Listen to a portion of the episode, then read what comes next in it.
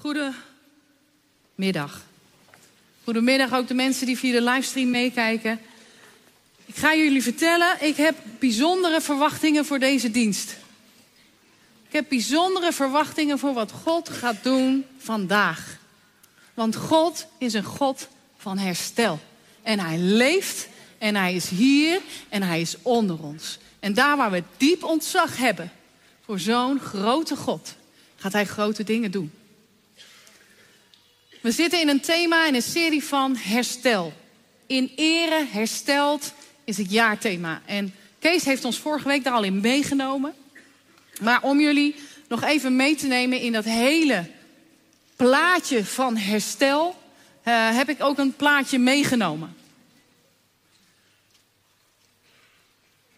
Als we kijken naar het hele verhaal, zoals God ons dat geeft in de Bijbel en waar we nu op dit moment in zitten, dan kunnen we spreken van een verhaal dat begon bij de schepping. En wat verkeerd, dus de schepping, hè, waar alles goed was. God zei dat het goed was. Kees haalde het vorige week ook aan. En, en dan komt de zondeval. Adam en Eva die zich inlaten met zonde. Maar halleluja, er is verlossing door het offer van Jezus. God werd een mens. God kwam tot ons. Hij kwam onder ons wonen. Nam al onze schuld en onze schande en onze pijn en onze ziekte op zich om ons te verlossen. En daarna vernieuwing. En weet je, ik geloof dat we in de kerk heel vaak dit hele verhaal een beetje hebben ingekort.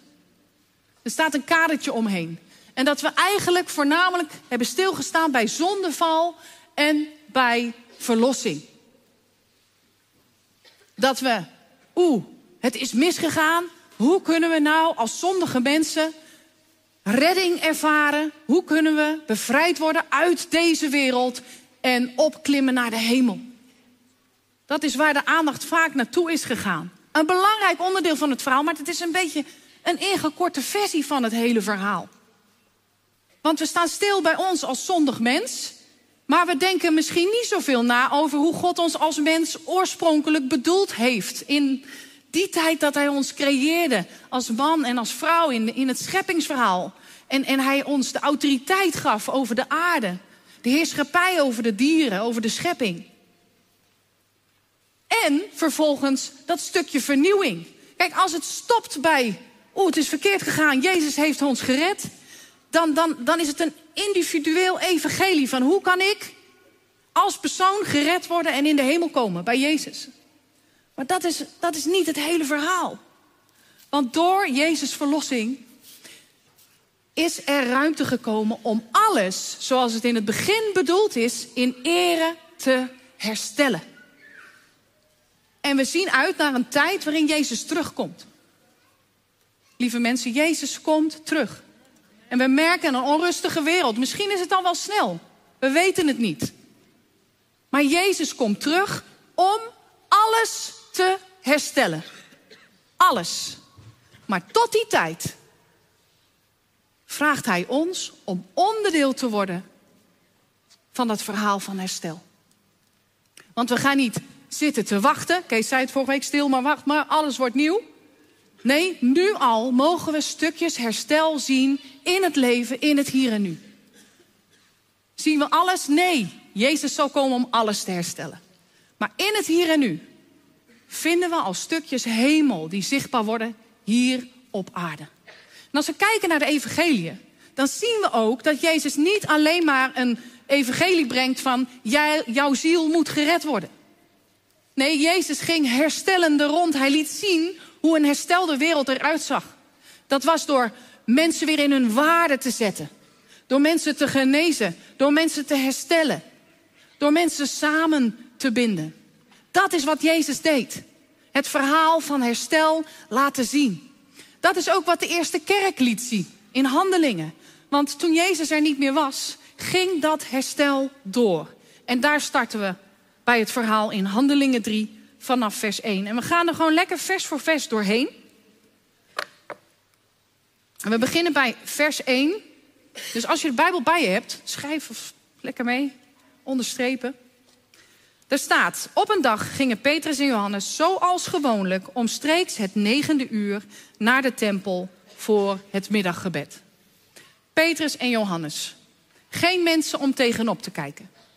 Verderop staat, het waren ongeletterde mannen. Geen hoge theologen, geen superchristenen, gewoon mannen, mensen zoals jij en ik. En deze discipelen hadden een discipline. Er staat, ze hadden de gewoonte omstreeks het negende uur, dat is drie uur s middags, naar de tempel te gaan voor het gebed. Ze hadden een prachtige discipline. Zij gingen elke dag om drie uur een offer brengen in de tempel. Want om drie uur werd het offer gebracht. Hé, hey, drie uur. Er is nog een offer wat werd gebracht. Op drie uur s middags. Niet een tijdelijk offer, maar een eeuwig offer. Het was drie uur waarop Jezus uitriep aan het kruis. Het is volbracht. En het volmaakte offer. Het volmaakte offerlam. Een offer bracht voor ons allemaal. We lezen verder. Men had ook een man die al sinds zijn geboorte verlamd was naar de tempel gebracht. Hij werd daar elke dag, let even op elke dag, neergelegd bij de poort die de Schone heet, om te bedelen bij de bezoekers van de tempel. Dit was een man, we lezen verderop dat hij 40 jaar is. In de bloei van je leven. Zijn hele leven verlamd. En hij ligt elke dag bij de poort. Waarom bij de poort? Een gehandicapte mocht niet de tempel binnen. Dus hij werd altijd bij de poort gelegd in de hoop dat de mensen die God zouden gaan aanbidden, dat ook met hun geld zouden doen. En iets over hadden voor deze verlamde man. 40 jaar onrein liggende bij de tempel. We lezen verderop dat deze man wordt genezen. Jullie kennen het verhaal misschien al wel. Maar dan denk ik, elke dag wordt deze man neergelegd. Petrus en Johannes hadden een discipline. Elke dag gingen ze naar de tempel. Waarom is hij niet eerder genezen? Deze route, toen Jezus nog leefde, ging Jezus ook elke dag naar de tempel als hij in Jeruzalem was. Waarom had Jezus hem niet genezen? Misschien wel een herkenbare vraag voor jou als je hier zit. En ook te maken hebt met ziekte. Waarom heeft Jezus mij niet genezen? Waarom liep hij mij voorbij? Maar hier komt een keerpunt in zijn verhaal. Toen hij zag dat Petrus en Johannes de tempel wilden binnengaan, vroeg hij om een kleinigheid. Petrus richtte zijn blik op hem, evenals Johannes, en zei: Kijk ons aan. De bedelaar keek naar hen op in de verwachting iets van hen te krijgen. De bedelaar dacht dat geld op dat moment het belangrijkste was wat hij zou kunnen krijgen. Wat hem de week door zou helpen. Maar hij krijgt iets anders. En het eerste wat hij krijgt is waardigheid.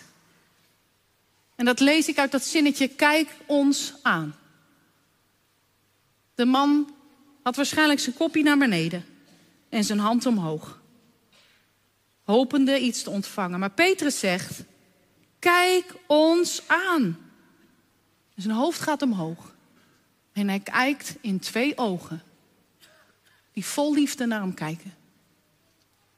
Petrus zegt: Kijk mij in het gezicht.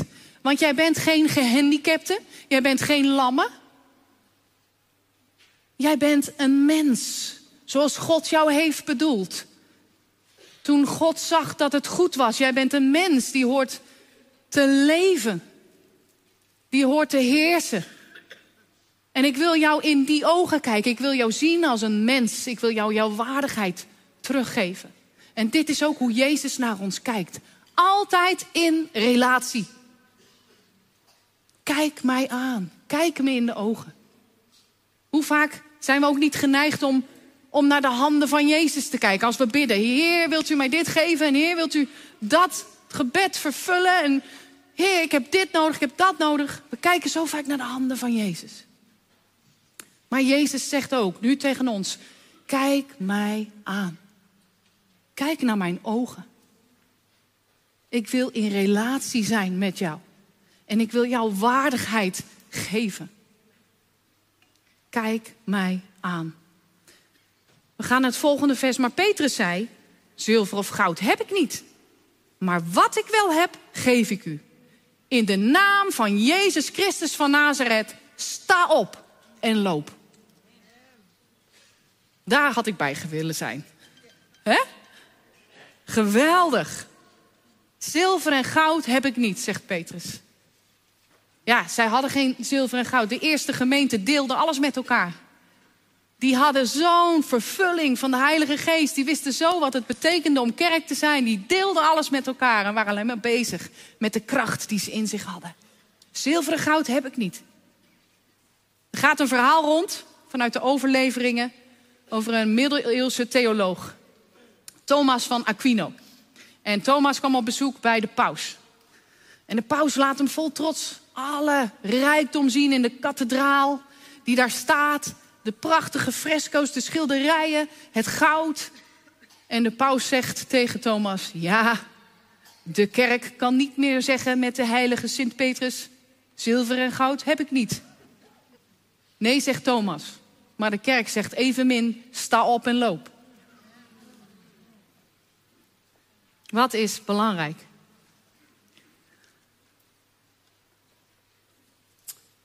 Volgende. Volgende tekst. Hij pakte hem bij zijn rechterhand om hem overeind te helpen. Dat vind ik ook zo'n mooie zin. Want Petrus zegt ervoor: sta op en loop. Maar de man is niet op gaan staan. En die snap ik. Want als je 40 jaar lang verlamd bent, dan durf je niet zomaar op te staan als iemand dat tegen je zegt. Dus Petrus zet de eerste stap. Hij kijkt hem in de ogen en hij reikt hem zijn rechterhand. En hij trekt de lamme man omhoog. Op het derde uur, op drie uur s middags, wanneer het grote offer is volbracht van Jezus, die de dood inging, staat deze man op uit een doodsleven. Er is verrijzenis mogelijk door het offer van Jezus. Onmiddellijk kwam er kracht in zijn voeten en enkels. Hij sprong op, ging staan en begon te lopen. Bizar. Die voeten en die benen hebben nooit gewerkt. Geen spier, die is, die is gegroeid. En die man begint op te staan en te lopen. En waar loopt hij heen? De man die niet geoorloofd was om in de tempel te komen, waar loopt hij heen? Daarna ging hij samen met hen de tempel binnen.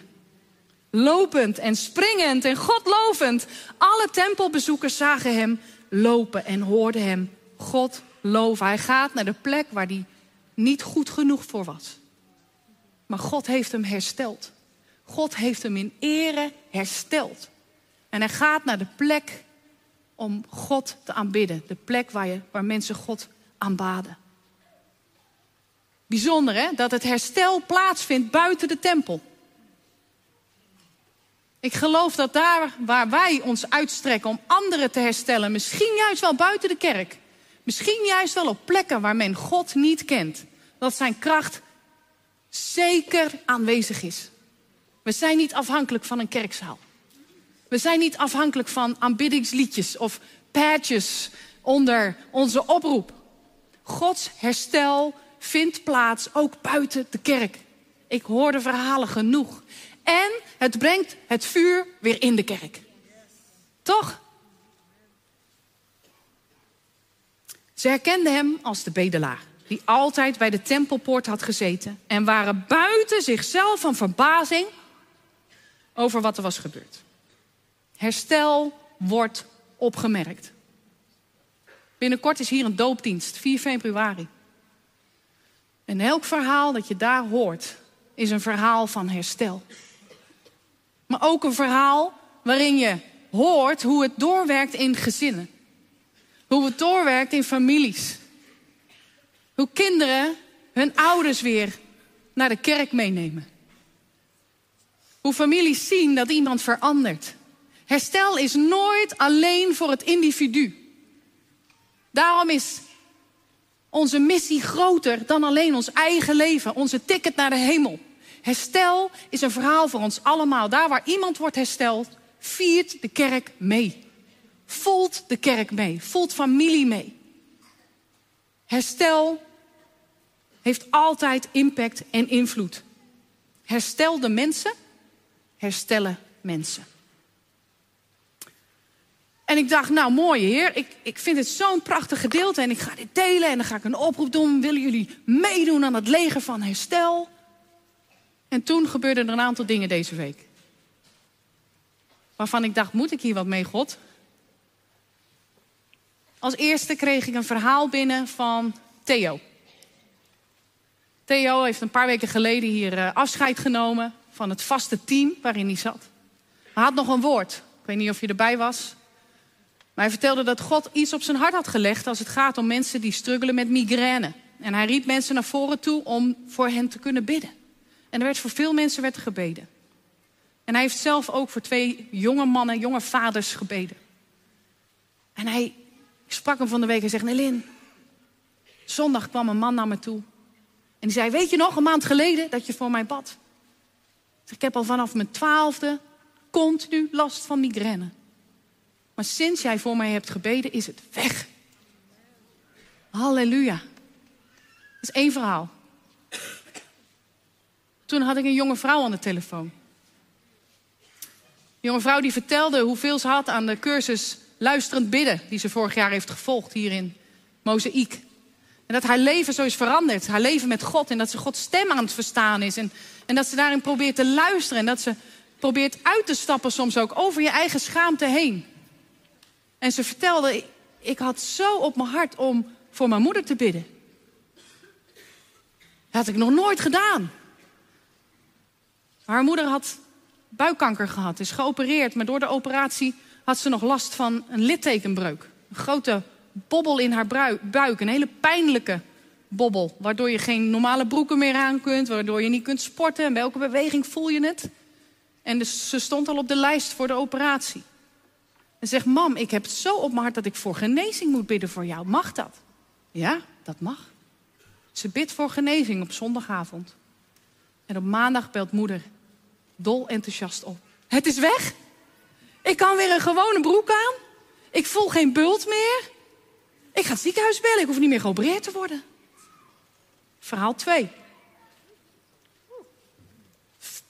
Allemaal in dezelfde week, hè? Toen kwam het derde verhaal tot me. En het gaat over een cursiste bij Alfa. Ze had de Alfa-cursus gevolgd en de laatste avond mag je altijd nieuwe mensen meenemen om ze te introduceren met Alfa. En ze nam een uh, collega mee met haar man. Mensen die normaal gesproken niet in de kerk komen. En ze waren onder de indruk van die avond. Er werd gezongen. Er werd uitgelegd wie, wat Alfa is, maar ook wie God is. En ze waren diep onder de indruk. En aan het eind van de avond werd er gebeden. En deze mevrouw liep in het gips. Ze was naar één ziekenhuis geweest en ze had zoveel aandoeningen aan haar voet dat het ziekenhuis had gezegd: Wij kunnen niets meer voor je doen, je voet moet worden geamputeerd. En ze liet het er niet bij zitten. Ze wilde een second opinion en ze was daar volop in bezig. Maar op die avond is er voor haar voet gebeden. En van de week hoorde ik van haar dat het andere ziekenhuis had gezegd: Je hoeft niet meer geopereerd te worden. Derde wonder wat tot me kwam. Ik denk, heer, wilt u hier iets mee? En toen kreeg ik eergisteren nacht een droom. Ja, echt, het klinkt allemaal bizar, maar uh, ik kan er ook niks aan doen. ik krijg nooit dromen, nooit. En in die droom zegt iemand tegen mij, je gaat spreken over Psalm 41, hè? Ik zeg, nee, Handelingen 3. Nee, zegt hij, Psalm 41 moet je ook uh, over spreken. Nee, ik, ik heb me al voorbereid, Handelingen 3. En ik ga kijken. Psalm 41, ik ben niet zo iemand waar de hele Bijbel bij mij in het hoofd zit. Dus ik lees Psalm 41 en ik kom uit bij deze tekst. En misschien ken je dat, dat het die ineens, pom, raakt. En er staat in vers 5, staat er, ik zeg, Heer, wees mij genadig. Dat zegt David tegen God. Genees mij, want ik heb tegen u gezondigd.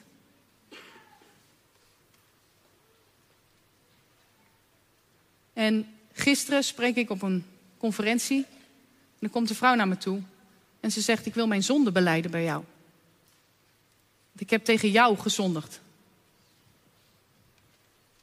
Ik heb dingen over je gedacht en dingen over je gevonden en gezegd die niet kloppen. En ik wil om vergeving vragen. Mag ik voor je bidden? En deze vrouw begint voor mij te bidden. Voor mijn bediening, voor mijn leven, voor deze kerk. En aan het eind van de conferentie komt ze met zo'n smel naar me toe. En ze zegt, joh, ik voel me 10 kilo lichter. Ik voel me bevrijd. En ik denk, Heer, u wil wat zeggen met deze tekst, ook tot mozaïek. Dat soms, ik zeg niet altijd, maar dat soms onvergevingsgezindheid of zonde in de weg kan staan van genezing. En ik geloof dat ik straks een oproep mag doen. Dat als dit voor jou geldt, als je voelt, er zijn nog dingen die ik recht moet zetten tegenover God. Dat daar de ruimte voor komt om dat vandaag te doen. Want God is een God van herstel. Dat ga ik straks doen. Maar eerst wil ik jullie vragen. Ik wil een gebed uitbidden. En ik wil gaan vragen dat als dit thema in ere herstelt, als jij voelt, dit is een thema voor mij, ik weet nog niet hoe, ik voel me soms als die verlamde, ik voel me soms niet goed genoeg, niet klaar genoeg, niet rein genoeg, maar ik wil wel meedoen. Dan wil ik, net zoals Petrus tegen die verlamde zegt, nu tegen jou zeggen: sta op en loop. Als jij mee wil doen aan dat leger van herstel, tot de dag dat Jezus terugkomt. Als jij zegt, ja, mijn leven is hersteld door God. Er moet nog heel veel hersteld worden door God. Maar terwijl ik daarmee bezig ben, wil ik ook een hersteller zijn voor de ander. Voor de mensen om mij heen. Wil ik leren uitstappen. Wil ik moed tonen wil ik zachtmoedig zijn. Ja, dat wil ik. Wil je dan gaan staan? Want God zoekt een leger. God zoekt een leger van herstel. Waarin zijn liefde zichtbaar wordt. Juist op die plekken waar nog duisternis is. Juist op die plekken bij de tempel, bij de poort. De plekken waar mensen zich verlamd en doods voelen. God zoekt een leger van herstel, van mensen die zeggen er is hoop. Er is leven, er is genezing in Jezus' naam. En ik durf het niet en ik kan het niet, maar ik ga het wel over je uitspreken. He's raising an army. Er gaat echt iets shiften in deze tijd, mensen. Het is zo belangrijk. Dat we van besef, dat we beseffen dat jouw leven ertoe doet. Jij bent niet zomaar hier op deze aarde. Om maar in de hemel te komen als je het goed doet. Nee, jouw leven doet het toe. God heeft een plan met jouw leven. Ieder van ons. Ieder op zijn eigen manier, op zijn eigen plekje. Jij doet het toe. Jij bent een hersteller. Wauw. Wat een mooi leger. Mag ik voor ons allemaal bidden. Vader, dank u wel, Heer. Dat we hier mogen staan of hier mogen zitten. Heer, voor u maakt het niet uit. U houdt evenveel van ons allemaal. Maar Heer, ik bid zo. Dat als we misschien met ons hoofdje naar beneden zitten, zoals de verlamde man. En denken, ik kan het niet. Ik ben het niet waard. Of ik geloof het niet. Heer, dat u zegt, kijk mij aan. Dat u ons dwingt om in uw ogen te kijken. Heer, niet naar onszelf, naar ons, met ons hoofd naar beneden, naar onze eigen handen, naar ons lichaam, want daar hoeven we het niet van te verwachten. U zegt, kijk mij aan. Kijk me in de ogen. En ik ga het door jou heen doen. En Heer, hier staan we. Als een leger van herstel. Heer, wilt u ons herstellen? En wilt u ons herstellers maken? Tot de dag dat Jezus terugkomt en alles zal herstellen. En daar willen we u nu al voor danken dat u dat gaat doen. Uw licht gaat doorbreken. Maar we mogen nu al stukjes hemel op aarde zien door ons eigen leven heen. Wilt u het doen? Door ons heen. In Jezus' naam. Amen. Zullen we allemaal gaan staan? We gaan een prachtig lied zingen. Misschien is het een beetje nieuw, maar het is makkelijk mee te zingen... waarin we de Heilige Geest uitnodigen... om ook een stukje genezing en herstel te brengen. En ik wil aan jou vragen... als je lichamelijke klachten hebt, geestelijke klachten... dat er een moment is vandaag om naar het gebedsteam te gaan... om te bidden voor herstel en genezing. En misschien wordt er ook aan je gevraagd of er iets is wat tussen jou en God instaat. Dat hoeft niet altijd. Maar soms kan dat iets zijn waardoor genezing of herstel niet kan doorbreken. Maar laten we gewoon deze ruimte openzetten voor het herstelwerk van de Heilige Geest. Heer, doe uw wil in mij, doe uw wil in ons. In Jezus' naam. Amen.